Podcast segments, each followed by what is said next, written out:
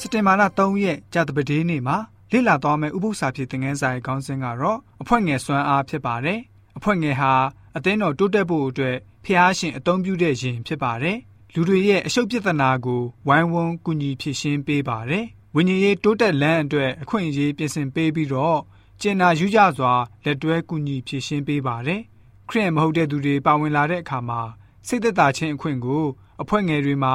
ပို့ပြီးတော့လုံခြုံစိတ်ချမှုရစေပါတယ်။ဖះเจ้าနဲ့လူစုလူဝေးတွေမှာအဖွဲ့ငယ်ရဲ့အိမ်အောင်စုတွေ့ဆုံခြင်းလောက်စိတ်လုံခြုံသက်သာခွင့်မရကြပါဘူး။ထုံနှန်းစင်လာဝတ်ပြုခြင်းအစီအစဉ်တွေကိုပထမအကြိမ်ရောက်လာတဲ့သူအတွက်စိတ်မသက်မသာရှိတတ်ပါတယ်။တမန်တော်ထုခန်းကြီးလေးငွေ31တမန်တော်ထုခန်းကြီး7ငွေ7နဲ့တမန်တော်ထုခန်းကြီး20ငွေ18ကနေ19ငွေ29ကနေ32ကိုဖတ်ပါမယ်။ထို့သောဆုတောင်းပတနာပြုပြီးမှစုဝေးသောအရက်သည်တုံလှုပ်၍ ထိုသူအပေါင်းတို့သည်တန်ရှင်းသောဝိညာဉ်တော်နှင့်ပြည့်သဖြင့်ဖျားသခင်၏နှုတ်ကပတ်တရားတော်ကိုရဲရင်စွာဟောပြောကြ၏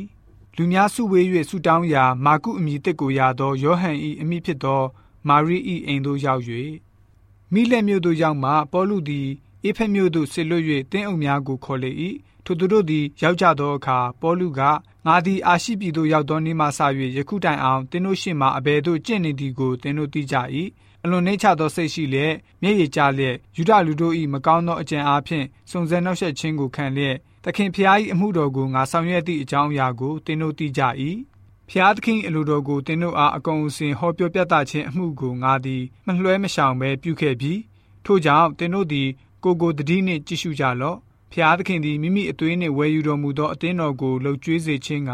တန်ရှင်းသောဝိညာဉ်တော်သည်သင်တို့ကိုအအုပ်အချုပ်ခံထားတော်မူသောတိုးစုတစုလုံးကိုလည်းတတိနှင့်ကြည့်ရှုကြလော့အကြောင်းမူကားငါမရှိသည့်နောက်ကျမ်းနန်းသောတောခွေးတို့သည်တိုးများကိုမတနာဘဲတင်တို့အထဲသို့ဝင်မိကို၎င်းတပည့်တော်များကိုတွေးဆောင်ခြင်းကမှားသောစကားကိုပြောတတ်သော လူတို့သည်သင်တို့အထဲ၌လည်းပေါ်လာမည်ကို၎င်းငါသိ၏ထို့ကြောင့်စောင့်ရှောက်၍နေကြလော့ငါသည်သုံးနှစ်ပတ်လုံးညညမပြတ်လူပေါင်းတို့ကိုမျက်ရည်နှင့်တကွဆုံးမ၍နေချောင်းကိုအောက်မေ့ကြလော့ညီကိုတို့ယခုငါသည်သင်တို့ကိုဖျားခင်၌အနံ့၏သင်တို့ကိုတိဆောက်ခြင်းက၎င်းတန်ရှင်းသောသူပေါင်းတို့နှင့်အတူသင်တို့အားအမွေပေးခြင်းက၎င်းတက်နိုင်သောဖျားသခင်၏ကျေးဇူးတော်တရား၌လည်းသင်တို့ကိုငါအနှံ့ဤဆိုပြီးတော့ဖော်ပြထားပါတယ် ရှေးဦးခရိယန်တွေဟာအတူတကွဆုယုံကြပြီးတော့တဦးအတွက်တဦးဆုတောင်းပေးကြပါတယ်တောင်းလျှောက်လိုတဲ့အရာတွေကို တောင်းလျှောက်ကြပါတယ်နှွေးထွေးစွာမိသားရာပြုကြပါတယ်နှုတ်ကပတ်တော်ကိုအချင်းချင်းဝေငှကြပါတယ်အစီခံခြင်းနဲ့ပတ်သက်တဲ့အကြောင်းအရာတွေအားပေးကြ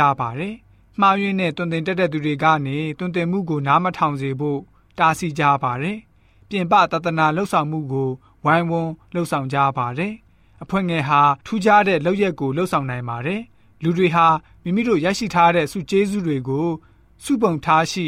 အသုံးပြုကြပါတယ်။လူတွေဟာတန်ရှင်းသောဝိညာဉ်တော်ရဲ့တကူကိုရရှိဖို့ကိုသာအာရုံပြုကြပါတယ်။ပြင်ပတသနာပြုဖို့ဖျားရှင်ရဲ့လက်မှာရှိတဲ့အစွမ်းထက်တဲ့လက်နက်ဖြစ်ပါတယ်။ရှမသက်ခရစ်ဝင်ခန်းကြီးကိုငွေ30ခွန်38ကိုဖတ်ပါမယ်။ကောက်လှိုင်းအကြောင်းနဲ့ပတ်သက်ပြီးတော့ယေရှုရှင်ဘယ်လိုမျိုးမိန့်တော်မူခဲ့လဲဆိုတာကိုကြည့်ကြပါစို့။ထိုအခါကိုတော်က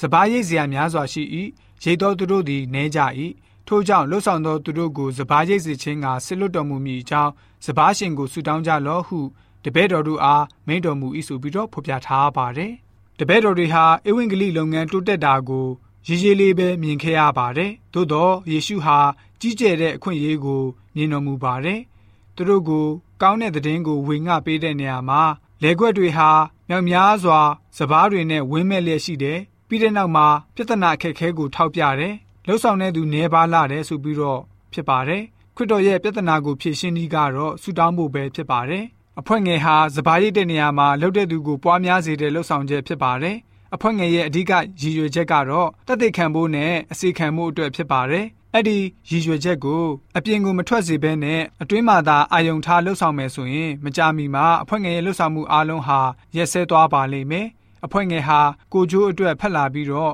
စကလုံးတွေနဲ့သာအလုပ်လုပ်နေမယ်ဆိုရင်ရည်ရွယ်ထားတဲ့ပန်းတိုင်ပျောက်ဆုံးသွားပါလိမ့်မယ်။အဖွဲ့ငယ်ရဲ့တာဝန်ကတော့လူတွေကိုယေရှုစီကိုပို့ဆောင်မှုဖြစ်ပါတယ်။ယုံကြည်ခြင်းဆွဲမြဲစေဖို့လူတွေကိုအားပေးနိုင်ရပါမယ်။ယေရှုအတွက်တသက်ခံနိုင်တဲ့သူတွေဖြစ်စေဖို့အားပေးသူအဖွဲ့ဖြစ်ရပါမယ်။ဒီလိုကြောင့်ကျွန်တော်တို့ယုံကြည်သူများအနေနဲ့အဖွဲ့ငယ်ရဲ့ကောင်းကျိုးတွေကိုသိရှိပြီးတော့လူတွေကိုဆုတောင်းပေးပြီးအဖွဲ့ငယ်အစီအစဉ်တွေအားဖြင့် ပါဝင်လှုပ်ဆောင်ကြတဲ့ယဉ်ကျေးသူတွေဖြစ်စေဖို့အတွက်ကြာတပတင်းနဲ့ဥပု္ပ္ပစာဖြစ်တဲ့ငန်းစာကဖော်ပြထားပါတယ်။